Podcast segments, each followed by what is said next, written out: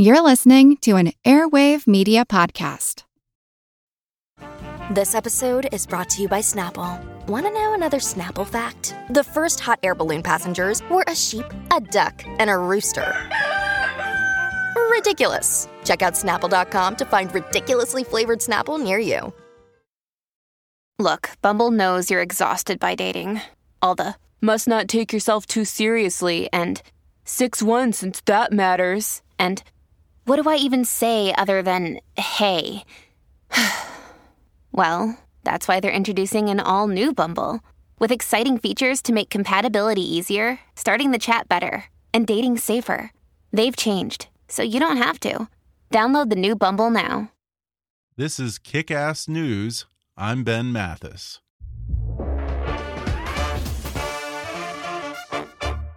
You heard that right, folks. Now, Kick Ass Politics is Kick Ass News.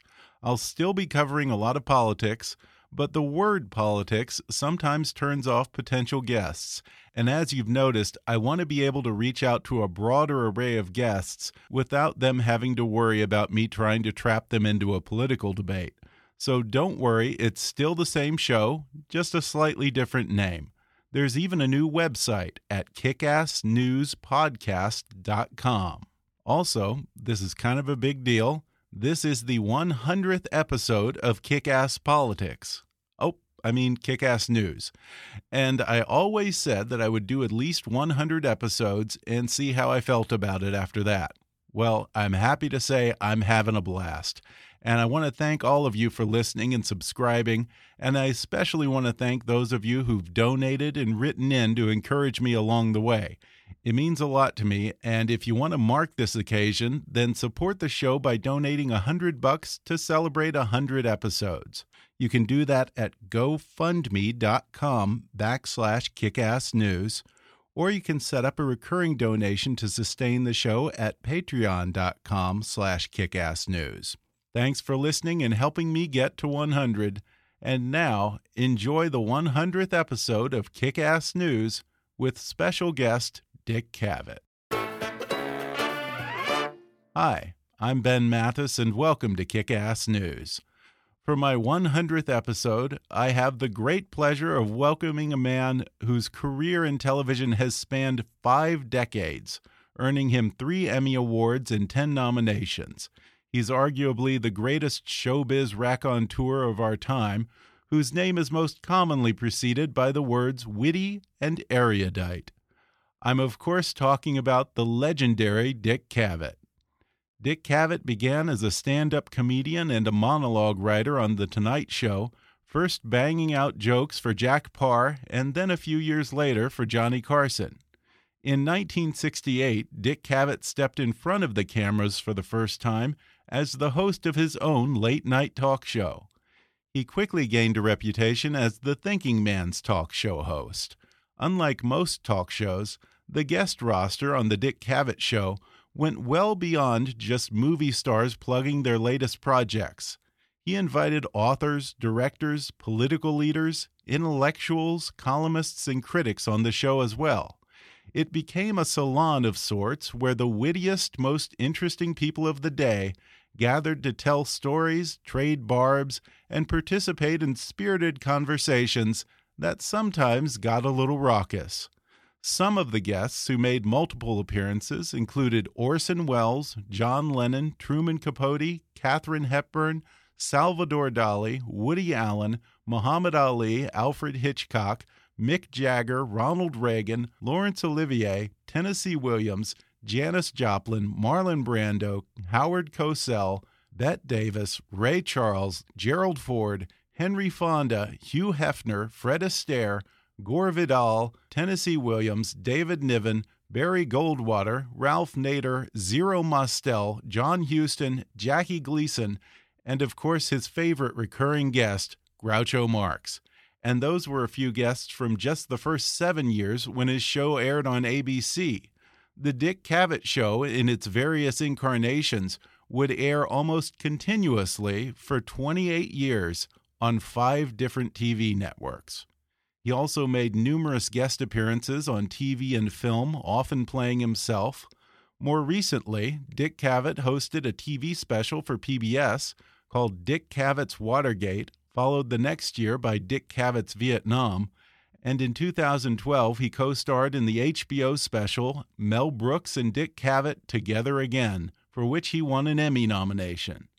He's written four books, including his most recent one called Brief Encounters Conversations, Magic Moments, and Assorted Hijinks. On today's podcast, Dick Cavett will hijack the show Walter Winchell style, and then we'll talk about his lucky break sneaking on the set of The Tonight Show with Jack Paar. He'll talk at length about his friendship with his idol Groucho Marx, his friendly rivalry with Johnny Carson, how he ended up on Nixon's enemies list, and the time a guest actually died on air. He'll reminisce about some of his favorite guests and friends, including Jack Benny, Ed Sullivan, and Truman Capote. Plus, he'll tell the story of the night a woman tried to seduce he and Marlon Brando into a threesome. Coming up with the legendary Dick Cavett in just a moment.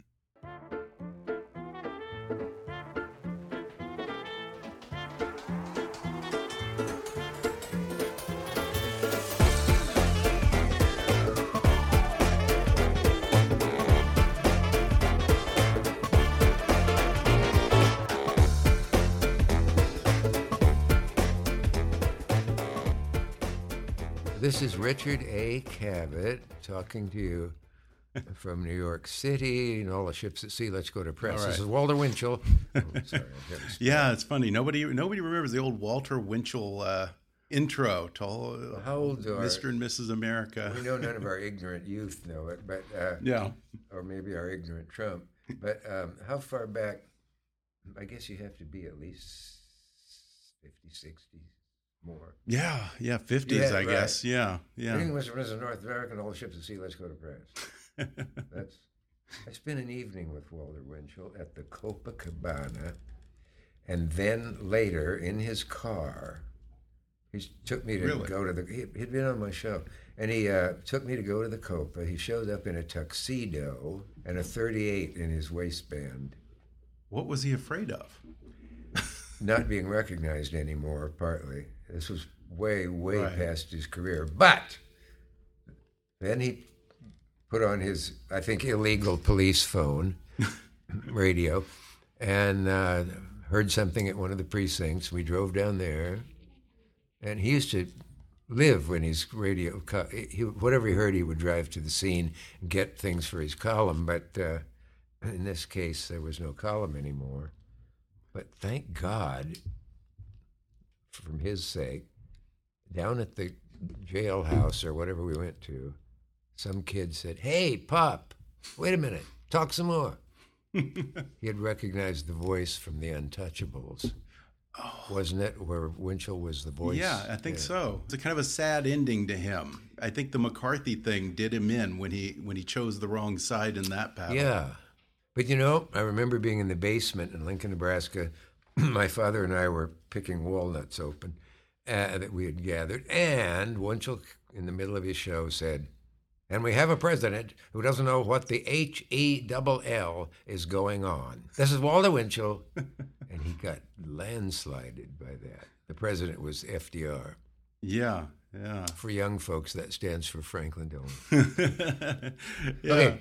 And it's Yeah, interesting because he created his own vernacular. Yes, he had his own vocabulary. He had his own dance steps. He danced on the show. Very good. Ta- he was a vaudevillian. Oh, was he? Oh, I didn't know Yeah, that about yeah. him. I thought he's. Oh, you know what? I, a lot of times I get him mixed up with Damon Runyon. I was going to say I thought he started out as a sports writer, but that's well, Damon that's Runyon. because I'm he thinking always mentioned the Damon Runyon Cancer Fund. Yeah. Yeah, they ran in the same circles. Right. Well, I didn't give you an intro yet, but I guess I should. Oh, you can, do it, you can do it later if you want. My guest today is the legendary TV host Dick Cavett. For 35 years, he hosted The Dick Cavett Show, which was known as the thinking man's talk show because you not only had movie stars, you had authors, critics, intellectuals, musicians, just about anyone that, that piqued your interest, and there I were guess. four or five uh, manifestations of the Dick Cavett Right. show as time went by. yeah, you, you may you may have been on more networks than anyone in TV history, I think. I don't think, yeah. if there were that many networks today, think how many I'd have to be on. yeah, that's true. Well, you know what I meant by that, even though grammatically it was not a perfect sentence. well, logically, I should say. Yeah. Yeah. Well, uh, I, I go back to the, in some ways, better time when you had three choices, and that's all of channel for TV. Yeah, and you had shared experiences then. We're all so fragmented today. Nobody has that shared experience of you go to the office the next day and you say, "Oh, did you see Brando on Cavett last night?" Right. And everyone knew what you were talking Just about. Just about everybody. Yeah. uh, uh, This is curious and not probably not very interesting to most people. but I had more viewers, and so did other people in those days who were on one of the networks. That, in effect, anybody does now because Yeah. there were only those three, and many more people filled up those three than are dispersed Yeah. now among everything else. Oh yeah. I mean, uh, you know, these days, two or three million households, that's a hit. Oh, yeah. I mean, what uh, I'm trying to think what was what was what was considered good ratings back then.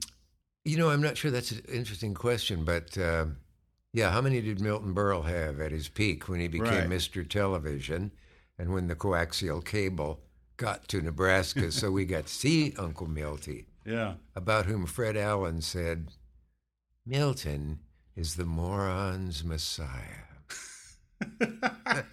Great. famous joke stealer. well, you know, one of the things that I like about you that I've always kind of enjoyed, and one of the reasons I wanted to have you on is I feel like we had a similar childhood in some respects, in that I was Yeah. a kid who grew up loving magic. I was obsessed Wow. with magic, and I. You, you you talk about how you would sneak into the back of theaters with a copy of Variety under your arm so you could meet a celebrity. I used to do that. I would have the local newspaper would give me a letter from the editor so I could go interview Ginger Rogers or something when they came to Houston, Texas. That sounds like. So do you think we so- might be related in some way? possibly? You know, these days, you know, what is that thing where you send in your DNA? You know, my wife, who did one of those, said, I never knew I was Scottish in any sense. Found an ancestor from Edinburgh or somewhere. really? Edinburgh is in Scotland, isn't it? Yeah, yeah, yeah. I mean, I, the, I think the biggest fear for me would be to find out you're related to your wife or something like that. Well, Groucho's God, George S. Kaufman, said once advice to his daughter sample everything in life except incest and folk dancing. now that was one of your heroes, Groucho, and one of my favorite eh, people. oh, I God, wish that I yes, had been able to get to know him like you did. I still don't believe I knew him, that he would call me up to go somewhere and he came to town, that I was in his house. I had to pinch myself the whole time. Did I ever tell you, sneaking out of a dinner Groucho was bored with, let's get out of here.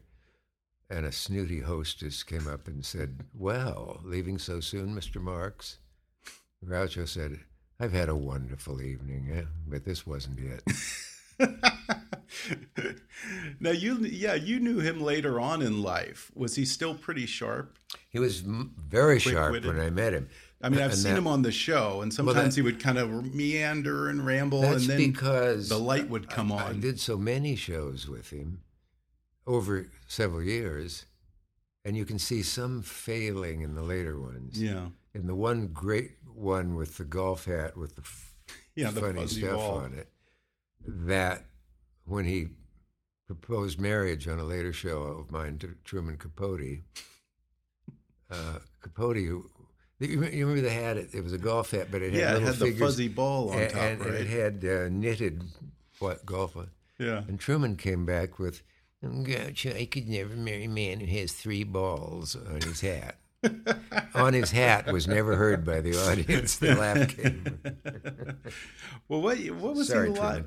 I mean, I- I've seen all the episodes, but what was you actually got to hang out with him? You befriended him and were good friends for quite a while. was he the we- same in real life? Was he the guy who was always kind of on and being No. Groucho, or did he talk No. about life? He was always? Groucho, and what inadvertent thing might have happened in public, he would always deal with it as Groucho Marx. Later life, he complained that he couldn't. He said one day, "I can't insult anybody anymore." Why not? Well, Here's what I mean. 'Cause they enjoy it I have too an much? actual. I, I have an incident. I hope this happened to me. I've mixed some of them up. Beverly Hills, dining room, hotel.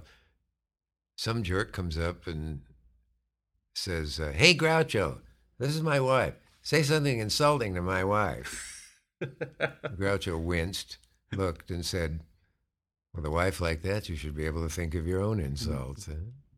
That's pretty damn good. They laugh. Off the cuff You know, like that. You think if, if you didn't know who said it, it would be offensive. Yeah. And then he said, "He said, you know, see, they're happy. They run off and say, oh, wait till you hear what Groucho said to me." yeah. Well, that reminds me of the Jack Benny story that you tell. Do you remember that one? Which one? Well, I'm Oh, not sure. There, the probably, one- there might be many, but when you I, you talk about how I think you were still at NBC. You're in the elevator with him, and Oh, a I bunch know- of I people know the would one. hit him up with all the annoying questions, which probably happens Are to you, you a lot too. Uh, do, you, do you still play the violin? Do you still have the Maxwell? Yeah, do you have a guy under your house in a vault guarding your money? Are you really cheap? I mean, in seven floors, they got ten of them in. He winced, but he's such a nice man. The only man, maybe, in show business in its history that hadn't a single enemy. Generous, wonderful, as they say in vaudeville, worked clean and yet still was Right. hilarious. Finally, they all rushed out to talk to their friends. the elevator got to the bottom, and um, I said, Mr. Benny, uh, do you ever get kind of tired of those same old things year after year? Same old And he questions. smiled and he put his hand on my shoulder and he said, You know, kid, sometimes you just want to tell them to go fuck themselves. I promise you, if you want to close in a public appearance with that story, you'll get off on a big laugh. Yeah, no, I believe it. Well, we opened with it then. Did now? Did he put his hand on his cheek as he said it? Well, uh, yeah, maybe not at that moment, but yeah, the, that sort of soft, weak hand at the right side of his cheek, and then dropping it to the other hand, one foot a little out to the side. If you watch his monologue on his old show, Yeah. he's always got one foot out, sort of like a classical actor. Um, and those, all these guys hung out. There was Burns, there was Jack Benny, and I, and Groucho used to always hang out at the Hillcrest Country Club, didn't they? I got cards? taken there by one of my dream experiences by Groucho for lunch. We approached a table in the dining room. It was lunch for uh, that had almost all actors. I mean, it would have Cary Grant and Edward G. Robinson and whoever Wow. else. And we were headed for that when Groucho heard the voice of George Jessel saying, "And tell him I'm fucking. and I'm not coming to the phone for anyone." And Groucho said, "Let's go to the writers' table," which he preferred to show business anyway. He'd rather Right, been remembered as a writer than anything else. hmm Didn't you meet him at the, the funeral of George S. Kaufman? I did. I went to the funeral because the night before I had seen Woody Allen for the first time in the Wow. club. The Paar Show had sent me to scout this kid who had written for Sid Caesar at age 15. Uh, I hate this guy already. Woody was having a terrible time in those days with the audience. Really? The Rollins office was making him perform, and uh, we lamented the fact that George Kaufman had died that day. We decided to go to the funeral, but then Woody couldn't, and I did. Saw Moss Hart read the eulogy. He took it out of his pocket. He typed it. And before he read it, he said, I can hear George in the casket saying it needs cutting. And then I looked across the been quite a ante room. We it was a, they'd had to open little other rooms to get everybody. It was a total sellout, so to speak, ceremony with um, everyone I had ever heard of in show business. After I had recognized, holy cow, the man across from me is Groucho Marx. But as I left, this would be typical. Um, then he walked to the corner of Fifth and 81st with Art Carney and Abe Burrows. They left him. And I went over and said one of my most brilliantly inspired lines uh, Mr. Marx, I'm a big fan of yours. I thought, oh, God, is that all I can put? And of course, Groucho said, "Well, if it gets any hotter, I could use a big fan." and that was the beginning of our relationship. And as is like the voice on what he called the game show, the quiz show, you bet your life. with the same inf- sort of inflection he used there, I heard, "Well, you seem a nice young man, and uh, I'd like you to have lunch with me." And that was that was it. Now, was that after he had started to kind of make a comeback? You know, I've heard of these these years when he kind of would wander around just looking for someone to talk to, and That, those sad had walking his years. dog in his neighborhood, thinking maybe somebody'd pity him. I mean, Yeah. yeah, he had a long, dreary period after the quiz show ended, and that was after the movies had ended. Yeah. Although they, obviously they've never ended. And um, yeah, it was very uh, poignant about him at that stage. Somebody said to me in my amazement once after I'd had him on four or five times, you know, you've brought Groucho back. You, you, can't imagine what a friend of his, you imagine what being on your show has done for him. And they said, um, to congratulate myself a little more, you know, for a long time he hoped your show would call him. He had been a fan for so long. When you first met him at the when, at the funeral, that was when you were a writer on the Jack Paar show. Yeah. Would you recount the story of how you ended up on the Paar show? Because I, I just love that. Can we make it for the very, very last time? Yes, yes. on my show last time. I'll, I'll spare a lot of the details, but I, I, I love it because that's another case that reminds me. That story reminds me a little bit you. of myself God, as a what young. If, what if you'd gotten there go-getter. first? Of course, you're not the right well, age. you know that would have been a miracle. yeah, real. Uh, I'm nowhere near that old. profound miracle. I was an out of work actor, having taken a job as a copy boy at Time magazine, which meant going up and down the hall delivering things to people. And somebody had left a Journal American newspaper, gone now, open to a page with a column. And it said Jack worries more about his monologue than anything else in his life, or something like that. Hmm. So I thought, I'm home. I still have a typewriter. I'll try to write a Jack Paar monologue. So I did. And then I went downtown to the bowels of the RCA building, and I knew where Jack's office was from hanging out as a viewer or sneaker in at the Tonight Show. So I went up the sixth floor, and I thought, I'll push this one step further, and then I'm going to go home. And Jack emerged from down the hall. I had had the foresight, people have pointed out, to put my submission in a Time magazine envelope where you could clearly see thinking. that it was. I used So to it sneak looked into official the, business. yeah, or the get you past a doorman at the Jackie Gleason rehearsals that I would sneak into. I carried a CBS envelope there. And I'd go, "Hey, how's it going?" He said, "Oh, okay." Pop the doorman. Pre 9 11, it was probably a lot easier to do these things. I I, guess. I guess so. I did. What, but uh, here came Jack. I thought, am I hallucinating? This timing is too improbable. Jack, I've written a monologue for you. And he looked at me sort of skeptically, saw the time envelope, and took it. Sneaked into the audience to see if, and in the monologue, he pulls out folded papers, and I thought, I'm made.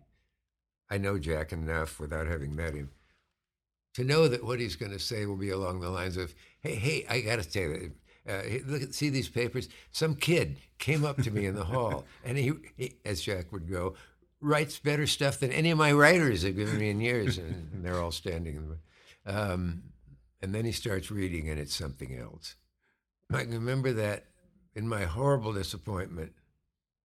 And seeing myself going back to copy boying for sixty dollars a week, maybe. Um, I met him in the elevator by not by chance afterward. You want to write, don't you, kid? And it came from that.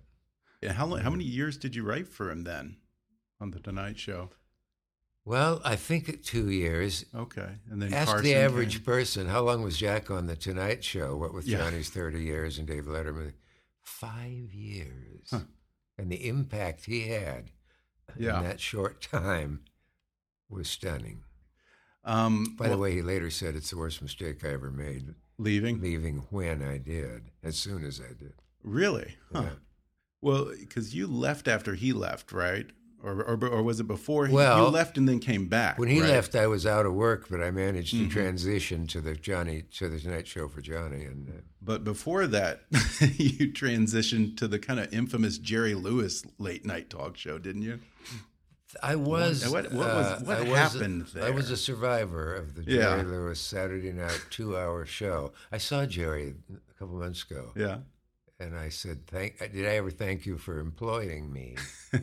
and he said, sort of seriously, "Yeah, it's a shame it didn't last, isn't it?" But uh, Why, you know, he could hold people's attention for 24, 48 hour telethon. How come he didn't work in that format as a late night talk show host? He wasn't comfortable on it. I don't think ever. It only lasted about twelve weeks. Was it the uh-huh. interviewing he wasn't good at? Well, my analysis, no, it wasn't that. He got through that on the Tonight Show. What I doped it out as, it's hilarious when Jerry's on someone else's show and he can tear Ed Sullivan's teleprompter paper out of the teleprompter before he gets to it. And on the Tonight Show, he could be disrespectful to the show and its mechanics. And and it's again, he was tearing up someone else's home. It isn't funny if you tear up your own house. yeah. It's funny if the Marx Yeah. Brothers stream into somebody's property and mess it up. But to, when Jerry tried to be the same on that show, it, it didn't work. And I don't think anybody ever really saw that at the time. Right. Well, I mean, it's like if Groucho showed up to disrupt his own party, you know? Yeah, yeah. you, ha- you have to have the perspective of the outsider. Or as my great love, Elaine Stritch, in her drunken phases, uh, would palm into somebody's apartment. And um, that was funnier than if she bombed into her own apartment and started throwing vases and things. We're going to take a quick break right now, and then I'll be back to talk more with Dick Cavett. Back in just a moment.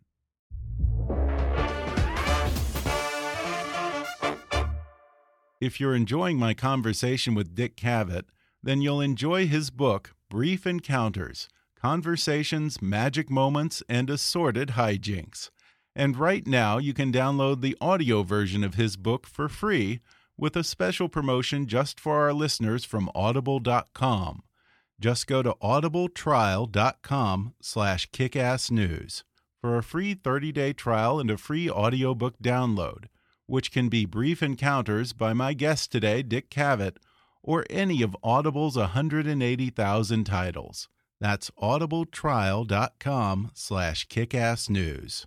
Or click on the sponsor link on our webpage to download the free audiobook of your choice. And now, back to the show.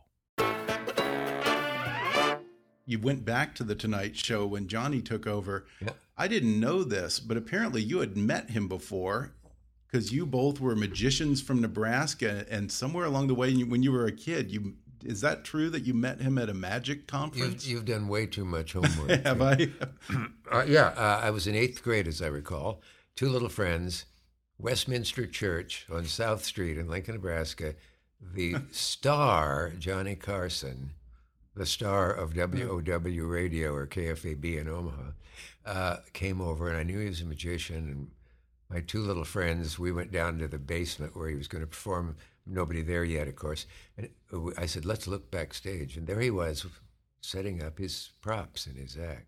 He gave us a resentful look. And I said, somehow, wise beyond my years, Johnny, it's okay, we're magicians. His whole manner changed. He welcomed us. He showed us how he did certain card fans and various things. And in the middle of his show, he said, You know, you have some magicians in the audience. And he introduced us, and he remembered our three first names Huh. Dick, Wow. Tom, whoever the other one was. Um, and uh, we felt like we were on the Ed Sullivan Show, of course. He introduced people. Yeah. And here she is, currently starving, uh, starring on Broadway. You know. Some of Ed's uh, lack of skill with the language was hilarious. I finally got on his show once. It was the last year uh, on the Ed Sullivan. Oh, Ed Sullivan's show. Oh, okay. Where I had watched probably a hundred comedians over the years die or have Yeah. their career made Oh, yeah. by yeah. being on. You did stand up I, on I there? was through the looking glass. Yeah, I do believe you can Google it if you have nothing else to watch. Actually, I did well. I wondered what is it he says to comics after the when they finished. They walk over to the right, where he disconcertingly stood six feet from you, staring in your right ear. Um, and what is the things awkward, undoubtedly, that he says to them, and and they're trying to get away because their applause is fading away, and he's gonna now they're gonna have to leave a silent stage against all showbiz instinct. Yeah. And I, as I walked over to him, I thought, I'm finally going to find out. he said, grabbing my hand, Nice to have you back, youngster. But that was the first time you had had. Yes, yes. And I knew what the addled mind of Ed was trying to say was, Yeah. nice to have you on, perhaps you'll be back. So he got the word Yeah. back and he got the word nice to have. Well, that's nice because you. It was you nice. get.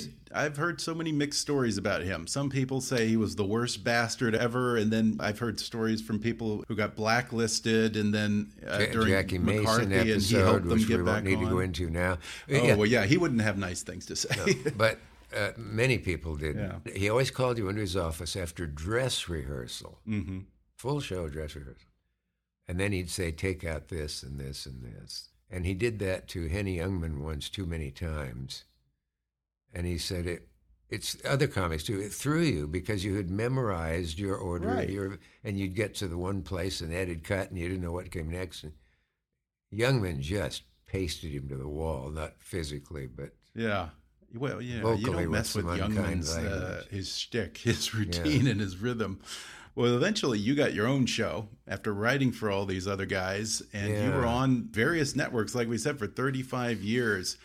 Uh, the others about which Johnny, who would have me on every time a Cavett show ended, uh, if this next one doesn't go, it's going to be Armed Forces Radio for Richard.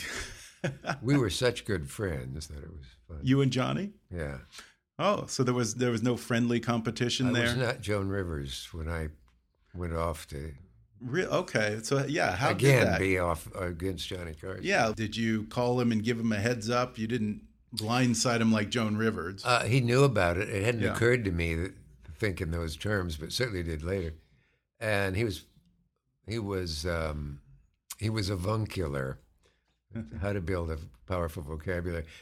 Uh, I think I got that from that book as a kid.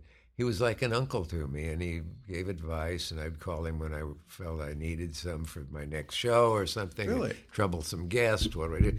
Yeah, so we remained really good friends. Well, that's cool. You know, a lot of people talk about how he was so, I don't know, cold or isolated, wasn't very Had a ramrod up his spine. Yeah. which I said on a roast of Johnny Carson once, with that pause, of course. I, I feel Um, like maybe he's he was little, treated a. He little was- unfairly, though. he was terribly right? uncomfortable with people. Really? One of the most uncomfortable socially. Yeah. For all his apparent glibness on his show and charm, Yeah. he couldn't stand. He couldn't make talk, small talk with people. Yeah. I, I always wondered if that was just, it was just that, you know, from being on for an hour, hour and a half a day, you you would know. well, that's part of it. It's I would be exhausted. I would go to, want to go home, hide, yeah, when go you're thinking sleep. soon I'll be in my shower, Yeah. and uh, and somebody stops you and wants to chat for half an hour about a town in Iowa that they lived in, and Yeah. he would- lived near. Uh, I rescued him many times from Really? tourists who got through to him. Yeah, Well, you did have your own show, and perhaps one of the reasons that you were friends is you kind of had your own niches, your own niches. yeah. I wasn't doing were- him; he wasn't Yeah. doing me. We both had many of the same guests on, of course, and. Uh, as somebody said, Cavett Show more oriented to serious guests, a dreadful phrase. And the worst thing that happened to you is you get labeled mistakenly, in my case, as an intellectual. but there was that sort of that sort of describes the frequent difference between us. But I had all the same comics he Yeah. had on at some time or other, funny people, sports people, politics. Yeah. I, I might have had a wider mm, variety of guests, but uh, Probably, yeah, I would say. So. Well, yeah, yeah, but you know, both of you had writers on, Mhm. and it's funny because I never see writers on late night anymore in talk shows, other than maybe J.K. Rowling or some huge, Yeah. you know, much less a critic or an intellectual on a talk show maybe like you guys King, used to have. because he keeps producing books, Right. Wonderful books, yeah. But you're right. I remember, oh, some humor writer talking about my starting a talk show said, "Watch, Cavett will put the author on first because they were always on last." Yeah. well, let's talk about one of those then. There's the infamous episode with Gore Vidal and Norman oh God, Mailer. do I have to talk about that? Okay, we don't have to. We can skip through it. Uh, and Norman Mailer was in drunk, way, right? one of the most the most contentious moment between me and Norman Mailer, to the delight of Gore Vidal, is right there on YouTube. And but but I, I'm sorry for people who can't see the whole show. I got to put it out some way on it, Yeah. because the tension that starts about a third of the way in and builds after Norman, half pissed if not more, comes on with his pugilist walk, which is always a bad sign, fists halfway up in there, um, to gut Gore Vidal. And of course, he got gutted because it was Gore Vidal. And, And what was I, it? Was Gore Vidal had written a bad review of his book. Was that what spurred that? Not quite. He had written Okay. a long piece in the New York Review of Books with a piece called, and he, he referred to it as 3M. Uh, Miller, Henry Miller, of course, Norman Mailer, Charles Manson, different degrees of, of destruction Right. of women. Yeah. Uh, Trump, Trump later picked that up, of course. Yeah. But uh, and and Norman was there to kill Gore for what he wrote, and it it's frightening to watch. And told then he said, "Oh, I wouldn't fight with any people here because they're all smaller than I am." And I said, "In what ways smaller?" and that's where the intellect came up. He had announced that he was more intelligent than the other people. That's right. His intelligence. And I think I said, maybe you'd like another chair to contain your giant intellect. And of course, that got an anti Norman laugh that lasted for a while. And there were a couple more lines like that. yeah. And then he got, then he went too far. I didn't know what could ignite me quite as much as confusing with me with David Frost by saying, Why don't you just look down and read the next question off the question sheet? Oh, yeah. And I said, "Why don't you fold it five ways and put it where the moon don't shine?" now, that line nearly stopped the show. Then he opened him. He, he let down his guard for a moment and said, "Kevin, is that something you just had canned for years, just waiting for the moment to use it?" I said, "Do I have to tell you a quote from Tolstoy?" well, that brought the audience to my side again. Uh, but that was Norman loved that. He Yeah. loved his image of himself as a Yeah. scrapping, brawling. yeah. Uh, uh, like Hemingway. only problem being I have a modest Jewish dick. He said once somewhere while, while a little inebriated. Um, Were many but he was a great writer, and nobody yeah. disputes that. Oh, yeah. Yeah. Were, were many of them inebriated when they came on the show? Not as many as in England. Okay. England has the perhaps civilized civilized habit of having a entire drinks collie. Co- uh, what do you call it? Drinks trolley. A drinks collie is on stupid pet tricks.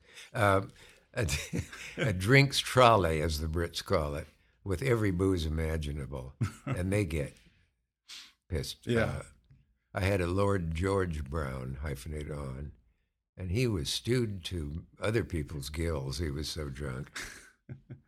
He, but he was a member of the House of Lords. And at one point he, in his career, he said, Well, of course I botched that whole damn thing in Parliament because I was drunk at the time. so, yeah, in England, and actually, a drink before going on a talk show is not a bad idea. Don't make it too strong. A Right. teaspoon Okay. of wine, even, for me, will take that little edge Okay. off. That Well, I had three uninhibits you. martinis at lunch before I came in here, so. I'm Well. I can tell you don't have your pants. You should have your pants on, really. well, what was the one? Speaking of that, with the I think it was John Cassavetes, Peter Oh. Falk, where you just lost control of Well, the whole have show. You just gave up You have, at that you have a way of bringing them up. Um, oh, the, Well, it's hard we can shortcut those. this because YouTube, I notice now, lists Cavett's worst show ever. Uh, and that I would a- say I'd say it's a toss up between that and the death, but okay. that's another story I'm bloody sick of. But, yeah, I'm uh, sure. Um, yes, I'm. And people can find this story on various places. Yeah, the, whom would you decide that the gods would finger to die on a talk show in front of the audience, but a health expert, Yeah, J.I. Yeah. Rodale. Yeah. Yeah, But, yeah. uh, You you were the only one who had a guest die on the show. So and far, I distinctly I'm remember uh, watching that and just being stunned.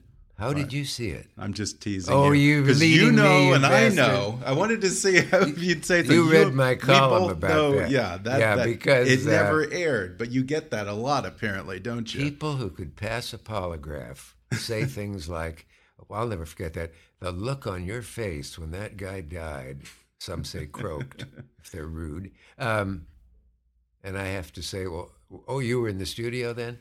They no, why? Uh, well, I'm afraid it never aired. I wouldn't think oh, it yeah? would have. And they're still not convinced, even after you say that. Really, they have these false memories of having watched that episode. Well, maybe I can take credit for died. making it vivid the next night, talking about it, but I don't think that would do that. But this, the world is full of this. First of all, it shows one thing that's a truth that policemen know, or prosecutor.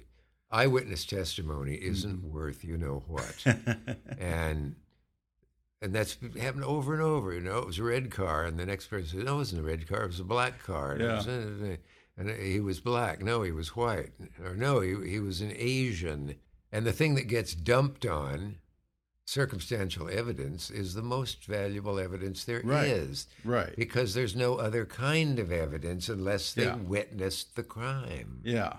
Well, you know, you had the OJ trial was It had to be. thousands of pieces of circumstantial evidence, and that, Yeah. well, that apparently that wasn't enough. So, It was not enough for various reasons that have all been explored. Yeah. But only a dog uh, saw that wonderful, handsome Right. football player slash the throat of his wife and Mr. Oh God, I blanked on his name.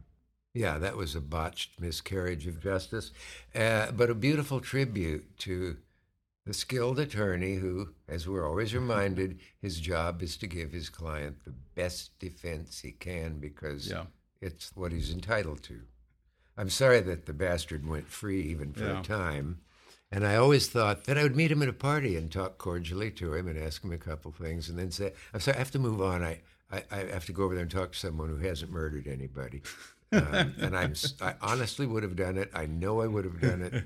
And I'm so sorry I never got the chance. Maybe I still will. he's, Who 'cause knows? he's supposed to get out of jail pretty soon. I think he's up for parole. So Oh, yeah. Well, hang out, hang if I, can, around. if I can do anything to influence the parole board, OJ, let me know. Uh, let me ask you about Nixon. When in, I was yet persona grata at the White House and attended an evening of Shakespeare that Nixon had booked with the actor Nicol Williamson. Um, so I met him in the reception line, all the tuxedos, Haldeman, licks, Nixon's lickspittle to employ a Elizabethan term that's gone out of use, uh, greeted me the cheeriest he could. But then the series of things began. I testified for John Lennon not being sho- thrown Right. out of the country by the great unindicted co-conspirator from Yorba Linda. and um, other incidents people I had on the show. The John White Kerry. House kept count of the anti-Nixon talk that occurred on my show from inevitably time Wow. to time. They had a list. They even put a guy on once to refute the fact that it killed them when Arthur Godfrey came out against the SST.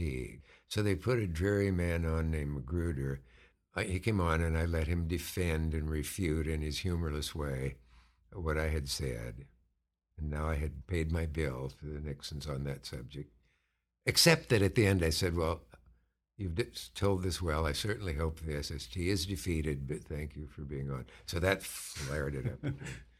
And- um, and and then one day I had the fun of a guy opening a laptop near me some years later and playing an excerpt from the Nixon tapes Yeah.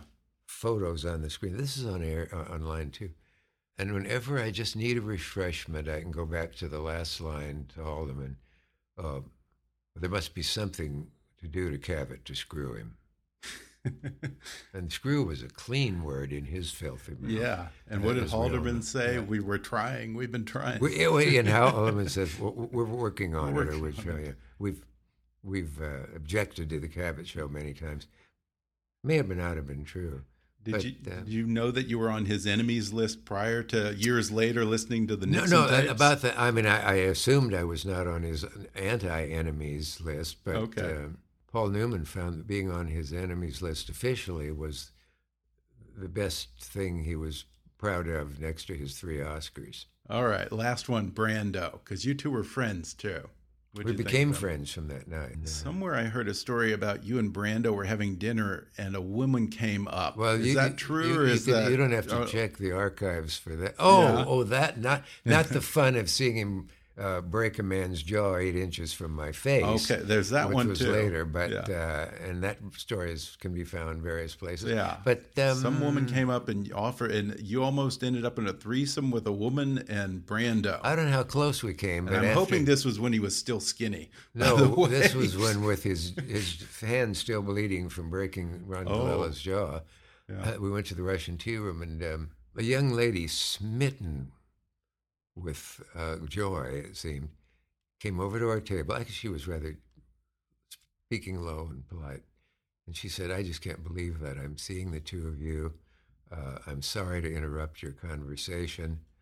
To which Groucho once said to a woman, "Then you can't control yourself." Right? And he meant it. Um, but I, I would do anything you, either you want or both of you want, anything in the world. She was in the Coco Chanel combination of shirt and skirt, that Yeah. blue and white. Probably a young college girl. And uh, anything you want, I mean, uh, you name it, I'll do it. And um, That's quite an I, offer. I, am kind of embarrassed to be saying this, but the, the worst part of it is I have to warn you that I have rather small breasts. And Marlon said, Don't worry about that, honey. I've gone to bed with women who have two tits, one tit, cross eyed tits, sagging tits, big tit, little.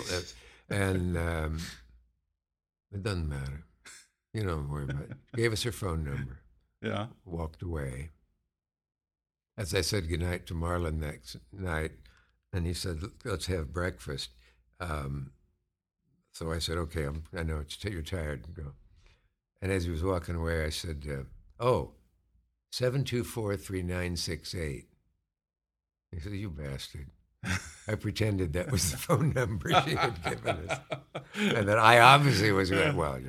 Oh, I love it. Well, thank you so much, Dick Cavett. I'm a huge fan. I appreciate it. Uh, I want to plug your book, don't we? Uh, oh, did Brief we mention? The- Let's mention yeah, that. It, it's, You can get we it on talked Amazon. earlier. It's a collection of another collection of my Times blogs on just about everybody. Um, And you said you're working on a documentary uh, about you and uh, documentary Muhammad film Ali, about right? my lifetime, it seems, with Ali and what good buddies we were. I'm not bragging, of course.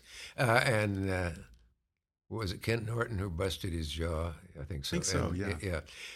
And he came on forlorn. Some of it was acting, but sure. Dick, I'm just old, broke down fighter, broken jaw, probably done with. And nobody called me except for Dick Cavett show. You're my main man, Dick. Black folks, as we were allowed to call them then, instead of the other euphemism, African American, um, PC at, at its best, uh, would say to me for a long time after, uh, do you know what it meant to be called Ali's main man? And I didn't really know the significance of that Yeah. phrase, but uh, Well, I look forward to the to this documentary. It's the timing is Yeah, it's the- is uh, poignant because I think Yeah. he just died a few days it ago. won't be that right soon. And I take did, I did but- go to his funeral. Yeah, sad ending. Yep. There. Well, thank Dick- you for Dick making Cavett- this painless. well, thank you. I can't tell you how much I appreciate it. Dick Okay. Cavett, thanks for coming on the show. This will be heard somewhere, will it? uh, uh, well, it'll be out there. I can't promise it'll be heard. You're not. Uh, well, that, that's good. Can I use that? Yeah, you can. Thank you, Dick Right. Cavett.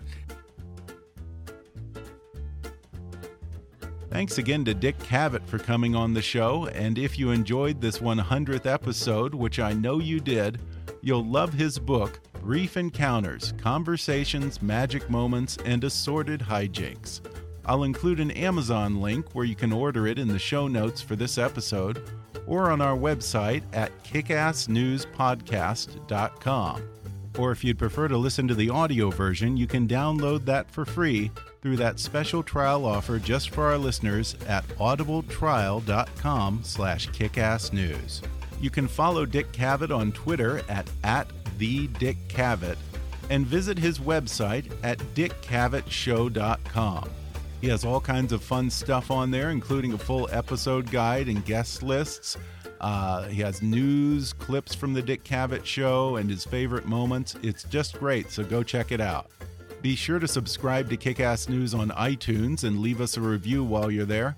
You can visit Kickass News on Facebook or follow us on Twitter at, at KAPolitics. And please be sure to recommend Kickass News to your friends on your social media. And if you really want to help out, then donate to our GoFundMe campaign at gofundme.com slash kickassnews or make a recurring donation at patreon.com slash kickassnews.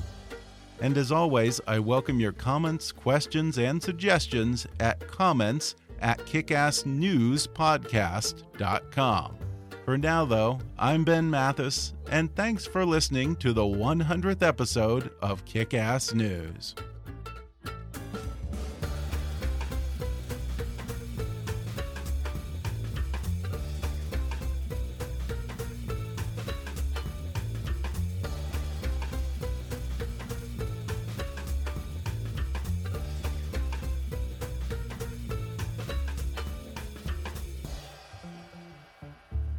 Kick Ass News is a trademark of Mathis Entertainment, Inc.